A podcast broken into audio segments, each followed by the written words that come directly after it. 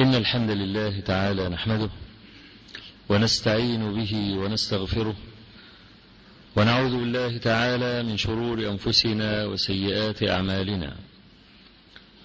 من يهد الله تعالى فلا مضل له ومن يضلل فلا هادي له. وأشهد أن لا إله إلا الله وحده لا شريك له وأشهد أن محمدا عبده ورسوله. يا أيها الذين آمنوا اتقوا الله حق تقاته ولا تموتن إلا وأنتم مسلمون. يا أيها الناس اتقوا ربكم الذي خلقكم من نفس واحدة وخلق منها زوجها وبث منهما رجالا كثيرا ونساء واتقوا الله الذي تساءلون به والأرحام إن الله كان عليكم رقيبا يا أيها الذين آمنوا اتقوا الله وقولوا قولا سديدا يصلح لكم أعمالكم ويغفر لكم ذنوبكم ومن يطع الله ورسوله فقد فاز فوزا عظيما أما بعد فإن أصدق الحديث كتاب الله تعالى وأحسن الهدي هدي محمد صلى الله عليه وآله وسلم وشر الأمور محدثاتها وكل محدثة بدعة وكل بدعة ضلالة وكل ضلالة في النار. أخرج الإمام البخاري رحمه الله من حديث عبد الله بن هشام رضي الله عنه قال كنت أمشي مع النبي صلى الله عليه وآله وسلم وهو آخذ بيد عمر بن الخطاب رضي الله عنه. فقال عمر يا رسول الله لأنت أحب إلي من كل شيء إلا نفسي. لأنت أحب إلي من كل شيء إلا نفسي.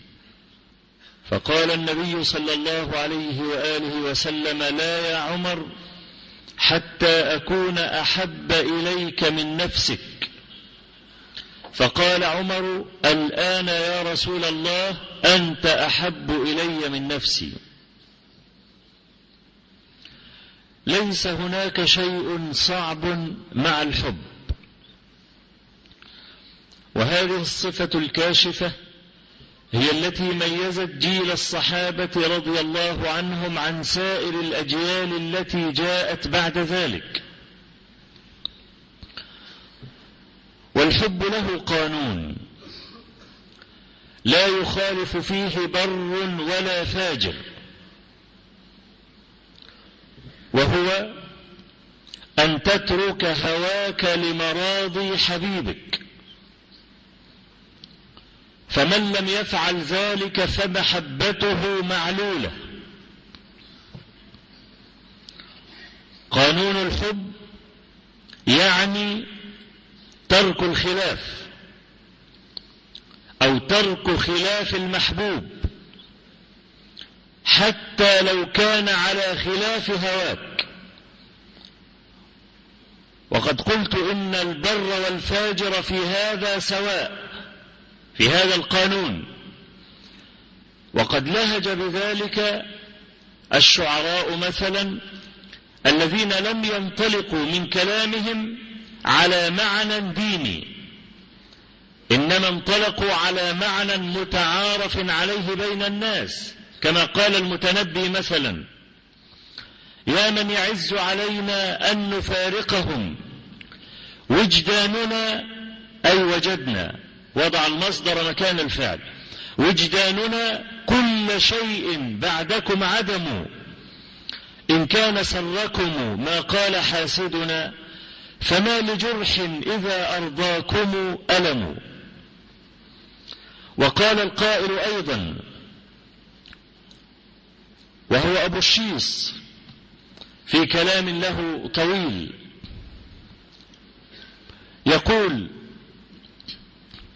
لا, لا ليس أبو الشيص إنما قال قائل آخر في نفس هذا المعنى. قال إذا ما كنت مسرورا لهجري فإني من سرورك في سروري. ده انفعال برغم أن الهجر مر عليه لكن إذا كان الحبيب راضيا فينفعل المحبوب له. ليس له اختيار.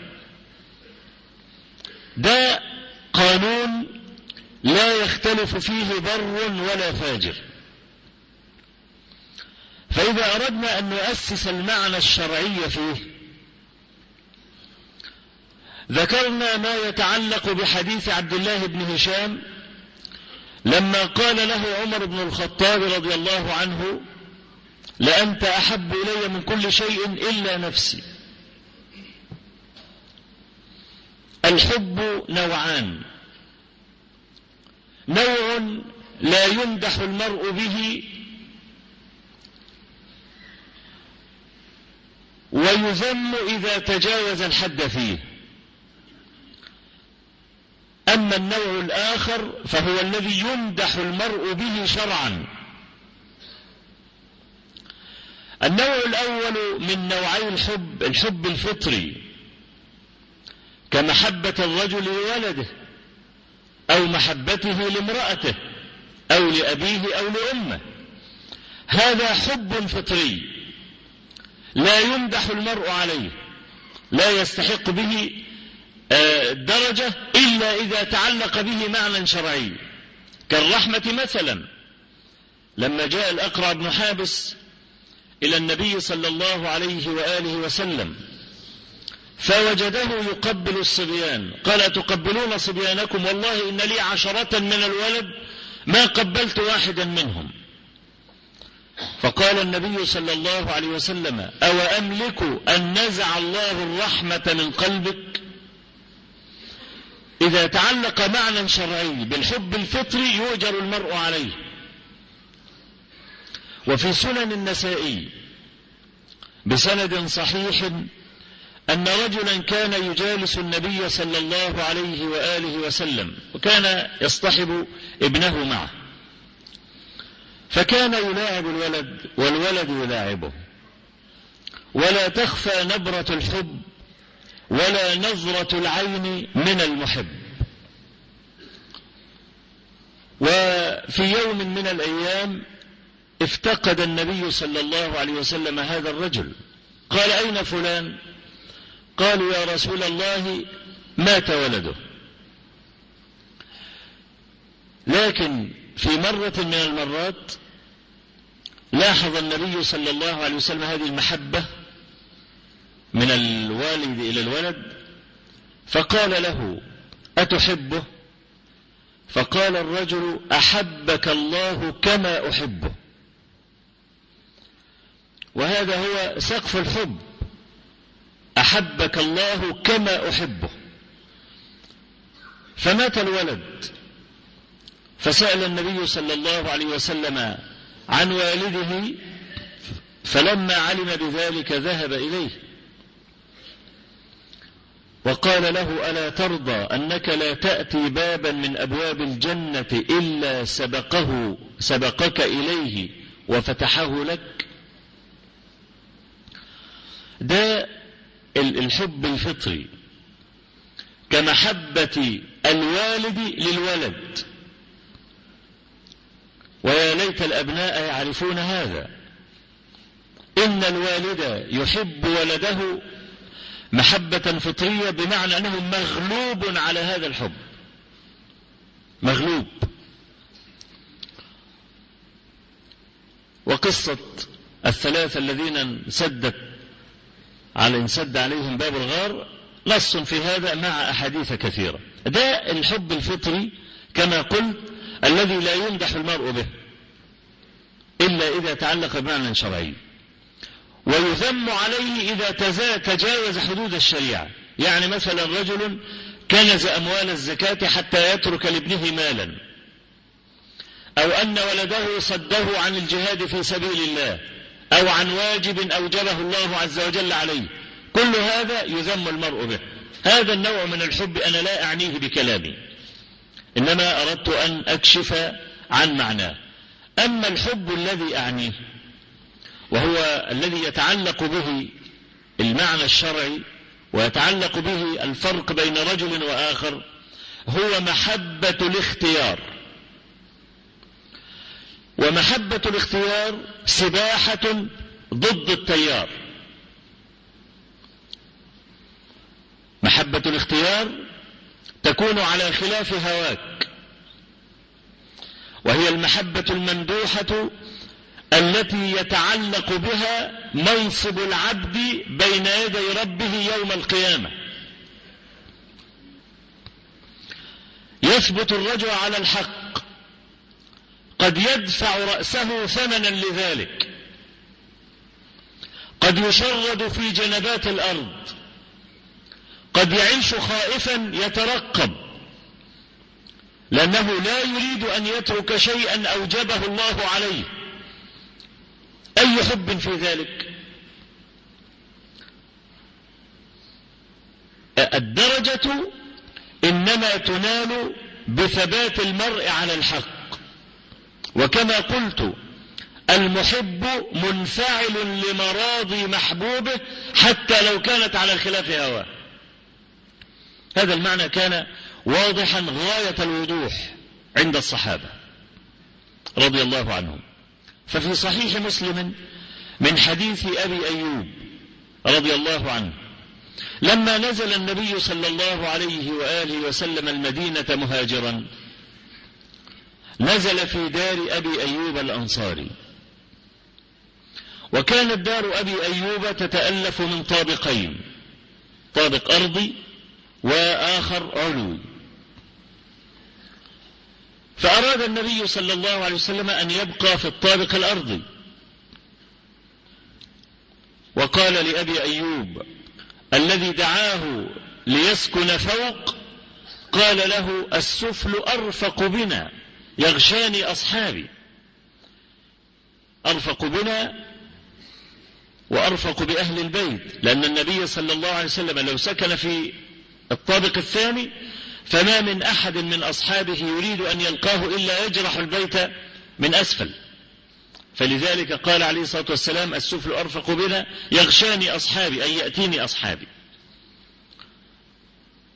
صعد أبو أيوب وامرأته في الطابق العلوي وبقي النبي صلى الله عليه وسلم في الطابق الأرضي قال أبو أيوب فبينما أنا أمشي بالليل إذ فزعت. وقلت أأنا أمشي على سقيفة تحتها رسول الله؟ يعني تبقى رجلي أعلى من راسه؟ بمجرد أن قرع هذا المعنى قلبه لم يستطع أن يتحرك طول الليل. وفي رواية الطبراني قال أبو أيوب وانكسر لنا حب الحب هو الجرة عظيمة التي يوضع فيها الماء. انكسر لنا حب فجففته بلحافي أنا وامرأتي والله ما لنا غيره. خت أن ينزل على رأس النبي صلى الله عليه وسلم. فلما أصبح أبو أيوب قال نزلت إلى النبي صلى الله عليه وسلم وقلت لا والله يا رسول الله لا أعلو سقيفة أنت تحتها أبدا اصعد إلى فوق. فصعد. قال وكنت لا آكل إلا بعد أن يأكل. فنتحرى أنا وامرأتي مواضع أصابعه وفمه. فأرسلت إليه ذات يوم ثوما أو قال بصلا. فلم يأكل منه ففزعت. الصحابة الصحابي لما يقول فزعت يبقى قلبه انخلع ما كانش عندهم مبالغات. ما يقولش أنا جدا جدا جدا جدا. لا. لما يقول لك فزعت يعني فزع. يعني الكلمة. قال فزعت. وصعدت إليه. وقلت يا رسول الله لم تأكل من الثوم أو البصل أحرام هو؟ قال لا. لكني أناجي من لا تناجي. كان جبريل عليه السلام يأتيه فيناجيه بالقرآن. والنبي صلى الله عليه وسلم أوفى الناس للصحبة. لا ترى مثله أبدا في الصحبة. واسمعوا إلى هذا المثل الفريد العجيب.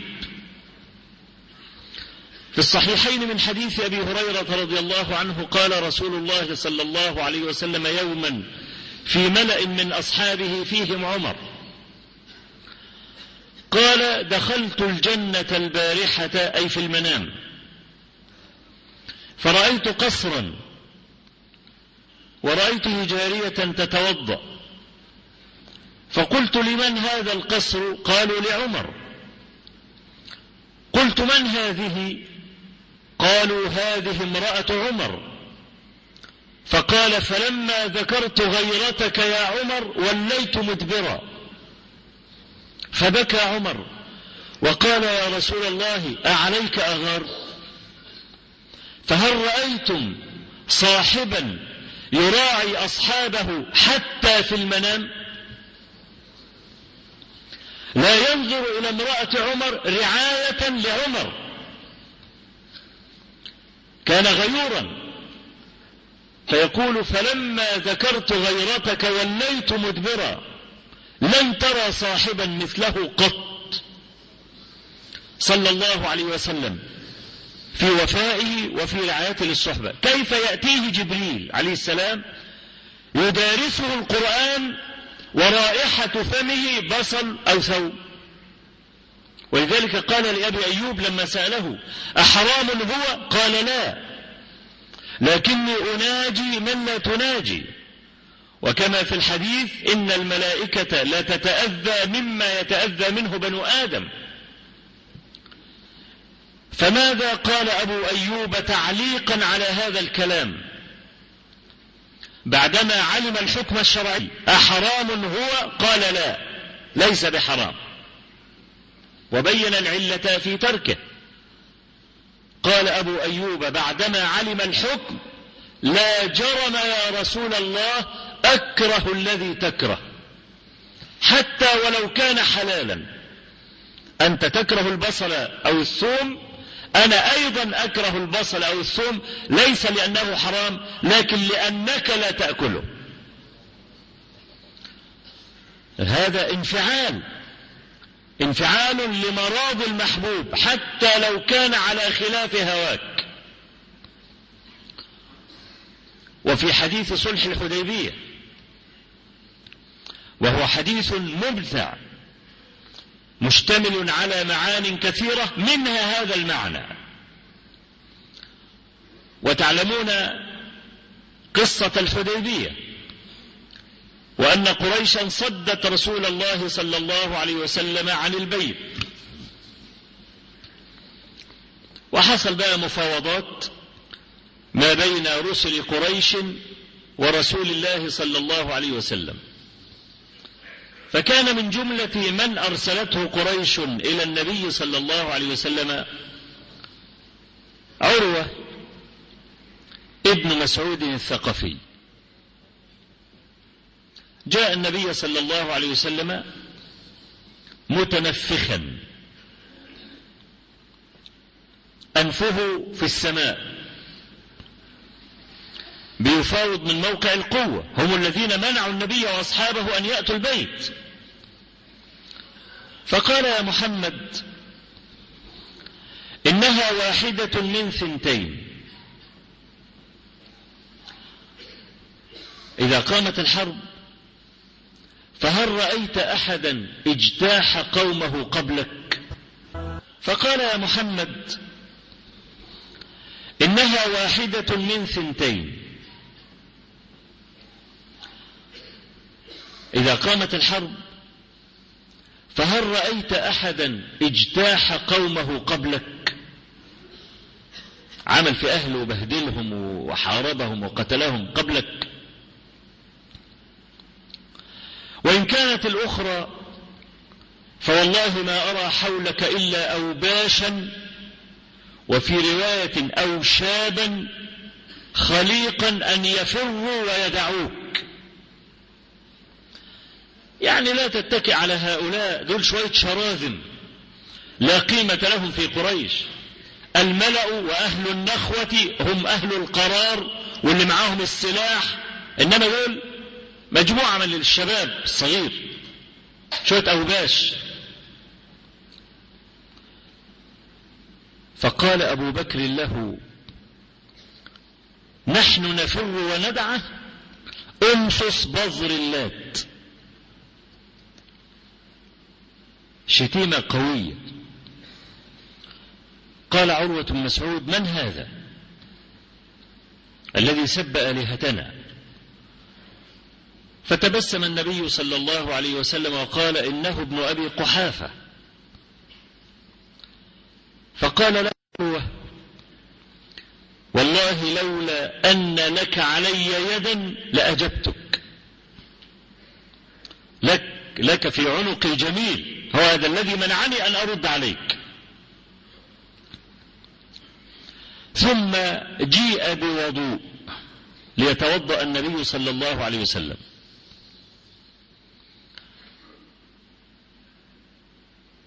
فوالله ما سقطت قطرة ماء على الأرض.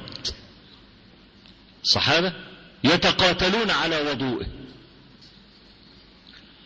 وما تنخم نخامة وهو رجيع الأنف إلا تقاتلوا عليها.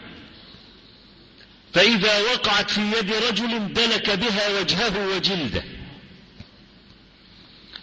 وإذا كلموه لا يحدون النظر إليه لا ينظر إليه هكذا إنما يضع وجهه في الأرض. ولا يرفعون أصواتهم عنده.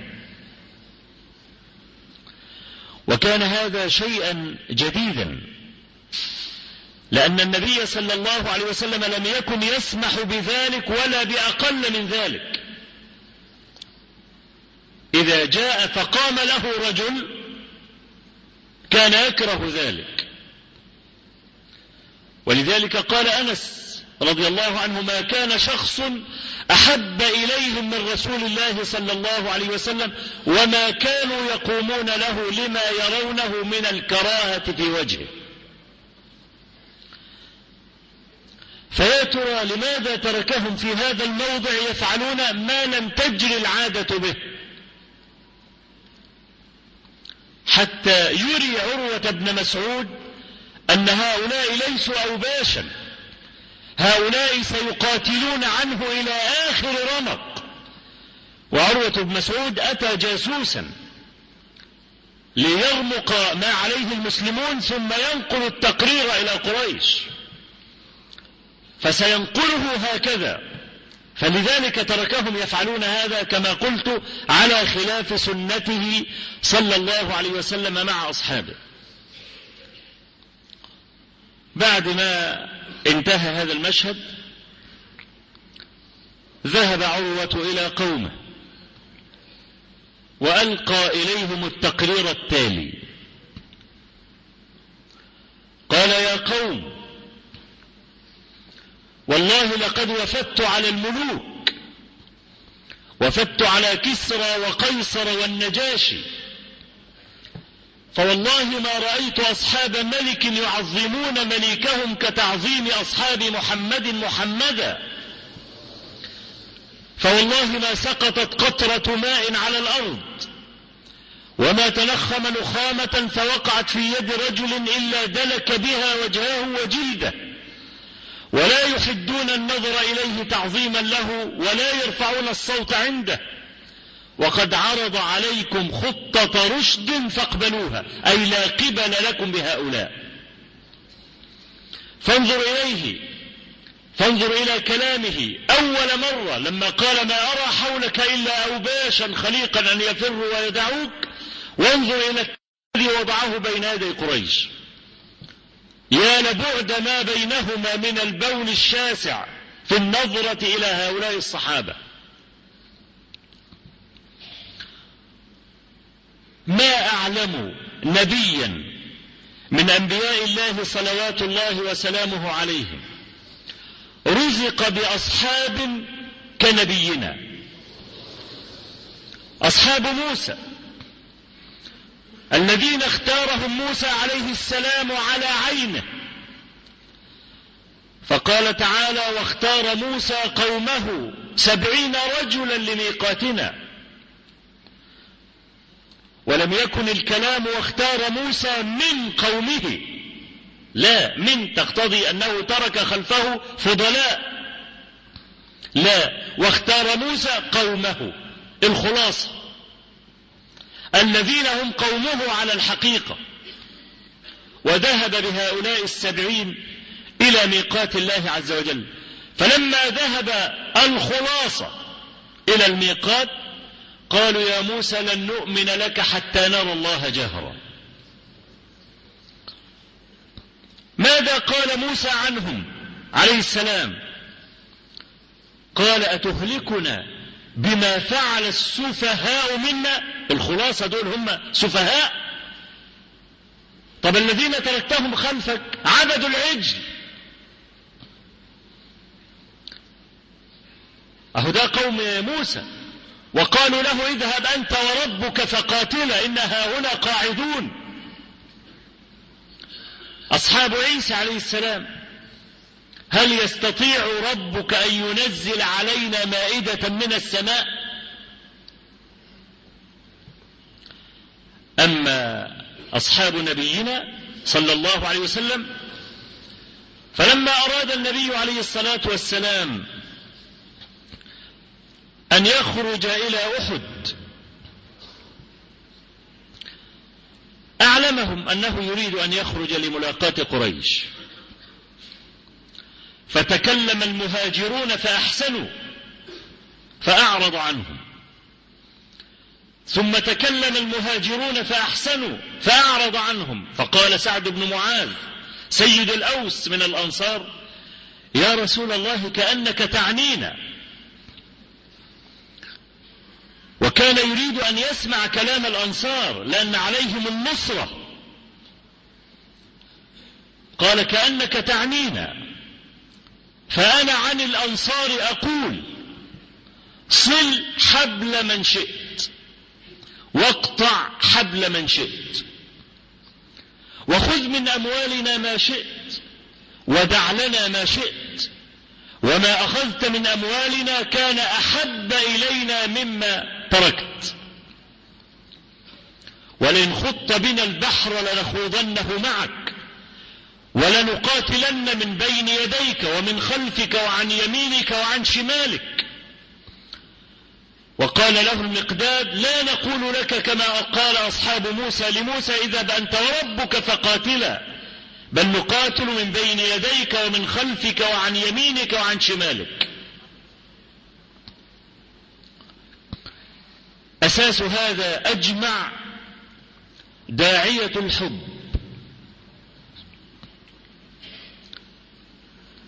فهذا كما قلت هو الذي ميز هذا الجيل. الذين قرأوا أخبار الأمم من لدن آدم عليه السلام إلى بعثة النبي صلى الله عليه وسلم. هل قرأوا في شيء من الكتب أن جيلا استطاع أن يكون دولة في عشر سنوات إلا النبي صلى الله عليه وسلم وأصحابه؟ دولة في عشر سنوات. ليه؟ ما كانوا يقدمون على كلام الله ورسوله أي كلام كان. ولهم في ذلك مواقف مشهودة. تعظيم الأمر والنهي والصبر على القدر وصلوا فيه إلى قبة الفلك. انظر مثلا إلى ما رواه مسلم من حديث عبد الرحمن بن شماسة المهري رحمه الله. قال دخلنا على عمرو بن العاص وهو في سياقة الموت وهو يموت. فلما رآنا حول وجهه إلى الجدار وبكى طويلا. فجعل ابنه يقول يا أبت ابنه وعبد الله بن عمرو بن العاص صحابي جليل أيضا. يا أبت ألم يبشرك رسول الله صلى الله عليه وسلم بكذا وكذا؟ يعني بيرفع من نفسه. فلما قال له ذلك قال فالتفت إلينا. ثم قال لقد رأيتني على أطباق ثلاث يعني مررت في حياتي بثلاثة مراحل. لقد رأيتني وما أحد أشد بغضا إلي من النبي صلى الله عليه وسلم. ولا أحب إلي من أن أكون استمكنت منه فقتلته. فلئن مت على هذا الحال لكنت من أهل النار. ثم أسلمت فجئت النبي صلى الله عليه وآله وسلم. فقلت يا رسول الله أبسط يدك فلأبايعك. قال فبسط يده فقبضت يدي. قال ما لك يا عمرو؟ قلت أردت أن أشترط. قال تشترط بماذا؟ قلت أشترط أن يغفر لي. فقال عليه الصلاة والسلام أو ما علمت يا عمرو أن الإسلام يهدم ما قبله وأن الحج يهدم ما قبله وأن الهجرة تهدم ما قبلها؟ يقول عمرو فوالله ما كنت أملأ عيني منه إجلالا له ولئن سئلت أن أصفه لكم ما أطقت ذلك. لأنني ما كنت أملأ عيني منه إجلالا له. فلو مت على هذا الحال لرجوت أن أكون من أهل الجنة. فيصل به الحب والحياء أنه لا يستطيع أن يصوب بصره تلقاء وجهه. ويمكن هذا المعنى يعرفه من تلبس بداء العشق. إذا أحب الرجل امرأة لا يستطيع أن ينظر إلى وجهها. ينكسر على طول. فعمرو بن العاص يقول ما لو سئلت أن أصفه لكم ما استطعت. ليه؟ كان دايما إذا كلمه عليه الصلاة والسلام كان يحط وشه في الأرض. من تبجيله صلى الله عليه وسلم. ده حب الاختيار. تؤمر على خلاف هواك فتقول سمعنا وأطعنا حتى لو كان الأمر مرا. لكن عاقبته محمودة. قال الله عز وجل ولو أنا كتبنا عليهم أن اقتلوا أنفسكم أو اخرجوا من دياركم ما فعلوه إلا قليل منهم. ولو أنهم فعلوا ما يوعظون به لكان خيرا لهم وأشد تثبيتا. وإذا لآتيناهم من لدنا أجرا عظيما ولهديناهم صراطا مستقيما. ده لو نفذت الأمر. ما هو الأمر؟ اقتل نفسك أو اخرج من دارك. فهذا مر. ولكن قال الله عز وجل ولو أنهم فعلوا ما يوعظون به لكان خيرا لهم وأشد تثبيتا. أقول قولي هذا وأستغفر الله العظيم لي ولكم.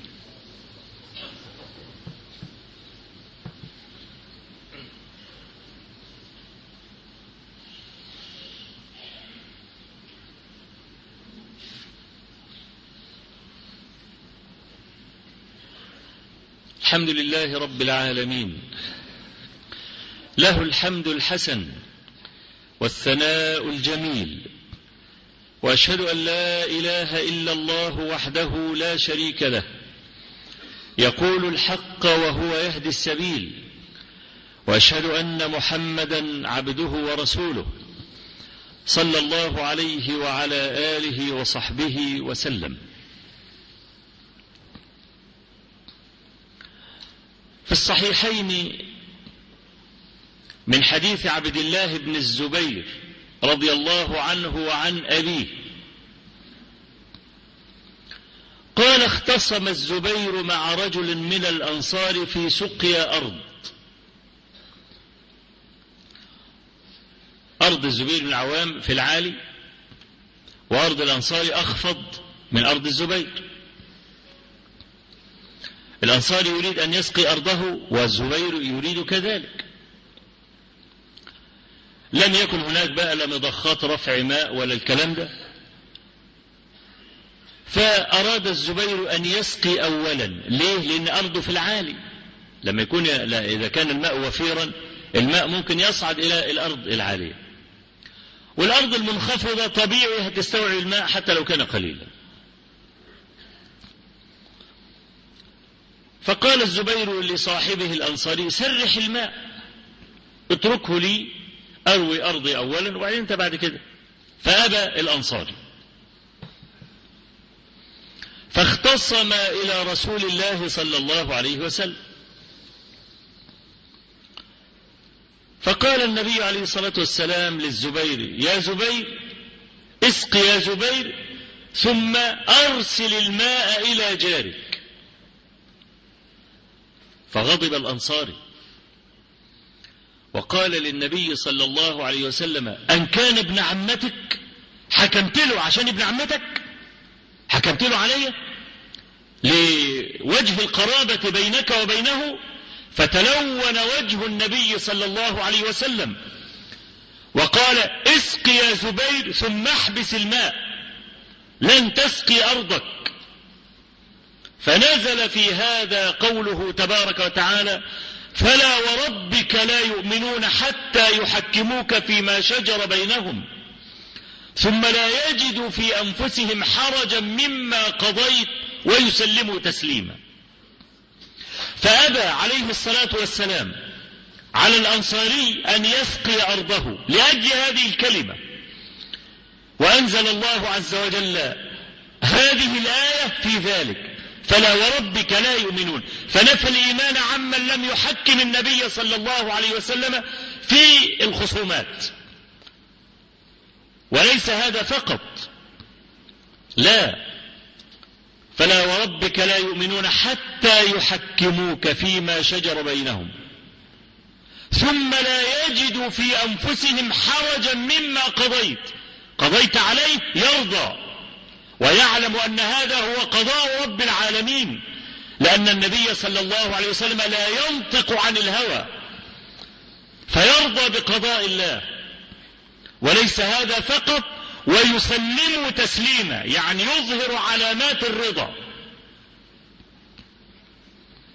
هذا هو محل كلامه صلى الله عليه وسلم في الخصومات والمشاجرات.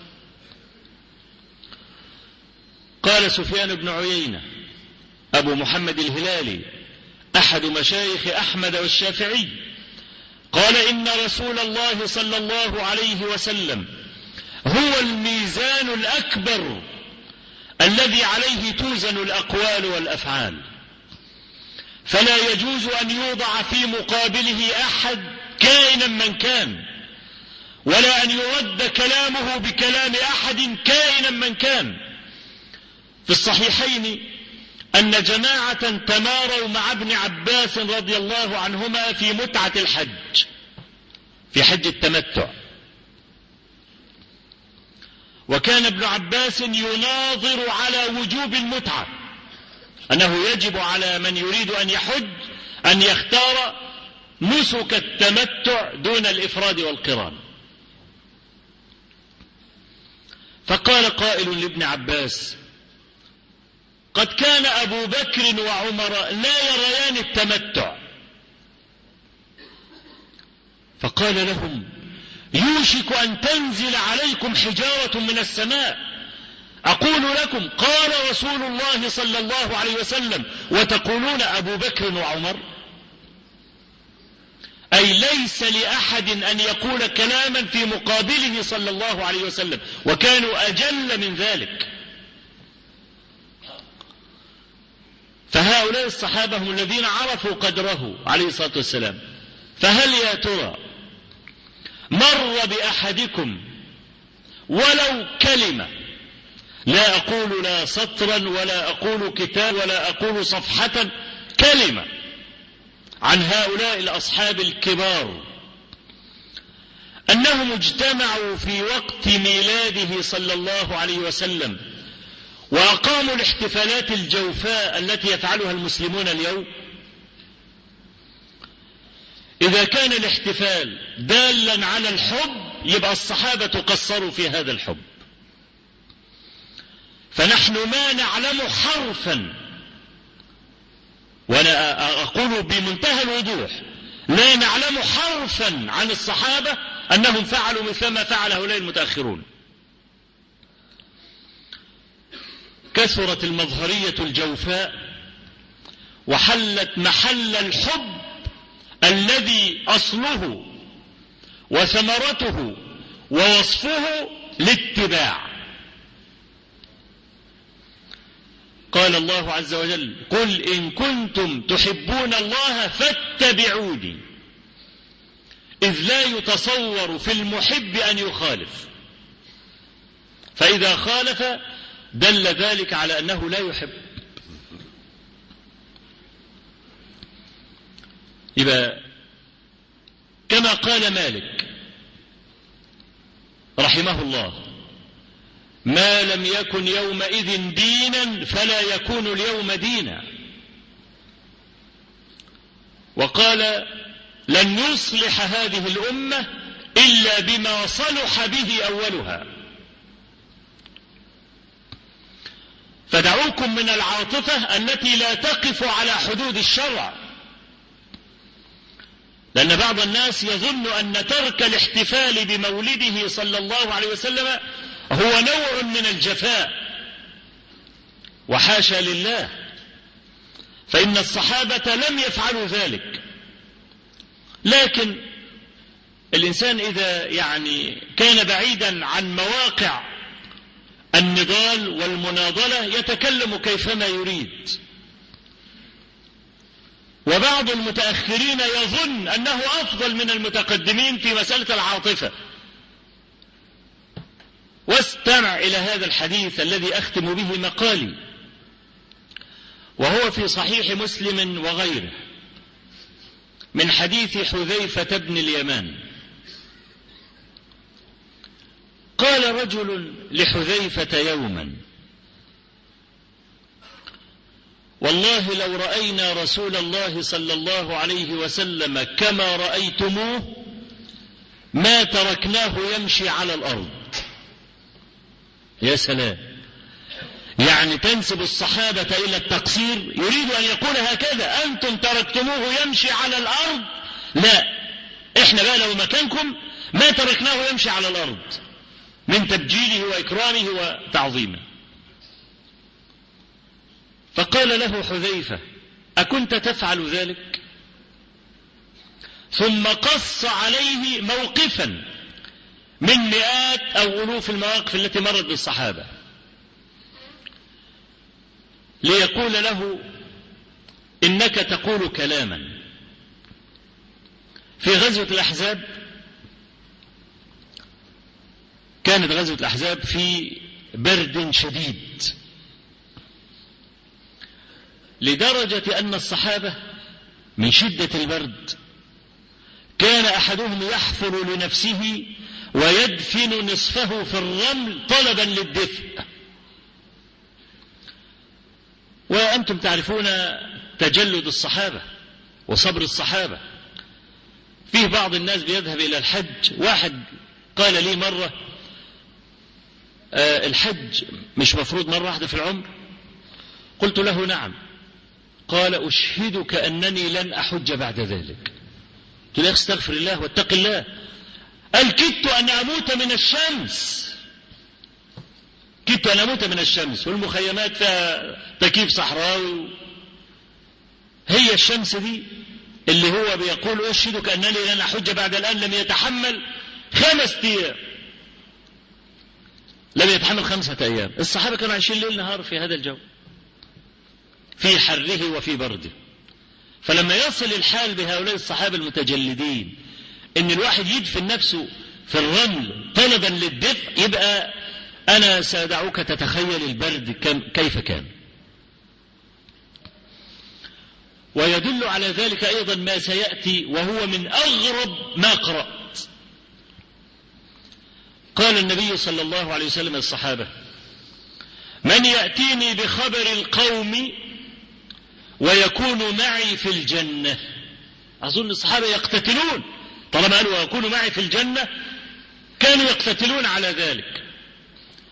يريد أن يرسل جاسوسا إلى الأحزاب إلى معسكر قريش لينظر أخبار القوم ويأتي. من يأتيني بخبر القوم ويكون معي في الجنة؟ فلم يقم أحد. ولا واحد. برغم هذا الأمر المغري وهو معي في الجنة. فكرر الكلام ثلاث مرات. لم يقم أحد. قال فقال لي قم يا حذيفة. قال ولم يكن من طاعة الله ولا طاعة رسوله بد. ما يقدرش يقول له لا. النبي صلى الله عليه وسلم من بني آدم هو الذي لا يقال له لا.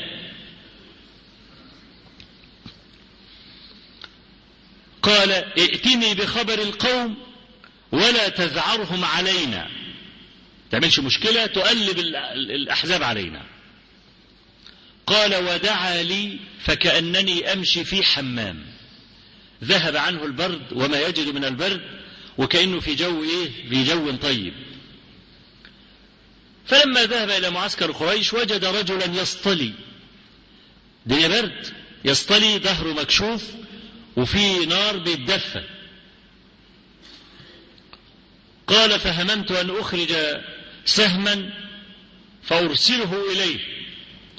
وعلم أنه أبو سفيان ابن حرب. قال فذكرت وصية النبي صلى الله عليه وسلم لا تذعرهم علينا فوضعت السهم في كبد القوس.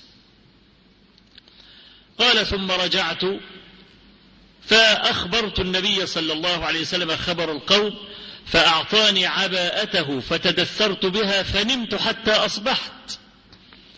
فجاءني فأيقظني وقال لي قم يا نومان. لما رجع من الأحزاب وأخبر النبي صلى الله عليه وسلم الخبر قال عاد إلي القر قعد يرتعش تاني من البرد بعد ما أدى المهمة. فلذلك أعطاه النبي صلى الله عليه وسلم عباءته ليتدثر بها فيستدفئ فينام. وقد قال ابن عمر لمقام أحدهم الصحابة يعني في الصف خير من عبادة أحدكم ولو عمر عمر نوح. هذا الجيل هو الجيل المبجل حقا والذي يعرف حق النبي عليه الصلاة والسلام لم يفعل أشياء كثيرة مما يفعلها المتأخرون. فلا تنسبوا أهل الاتباع إلى الابتداع أو ترمونهم بالجفاء فإن جفوة النبي كفر. إذا جفى أحد النبي الله صلى الله عليه وسلم يدخل في الكفر. لأن الجف الجفاء هو بغضاء وكراهية. عليكم بالأمر الأول. وصدق ابن مسعود رضي الله عنه الذي كان يقول اتبعوا ولا تبتدعوا فقد كفيتم. فنسأل الله تبارك وتعالى أن ينفعنا وإياكم بما علمنا. وأن يعلمنا ما جهلنا. اللهم اغفر لنا ذنوبنا وإسرافنا في أمرنا وثبت أقدامنا وانصرنا على القوم الكافرين. اللهم اجعل الحياة زيادة لنا في كل خير واجعل الموت راحة لنا من كل شر. اللهم قنا الفتن ما ظهر منها وما بطن. اللهم لا تجعل الدنيا أكبر همنا ولا مبلغ علمنا ولا تجعل مصيبتنا في ديننا ولا تسلط علينا بذنوبنا من لا يخافك ولا يرحمنا. رب آت نفوسنا تقواها وزكها أنت خير من زكاها. أنت وليها ومولاها. اللهم اغفر لنا هزلنا وجدنا وخطأنا وعمدنا وكل ذلك عندنا.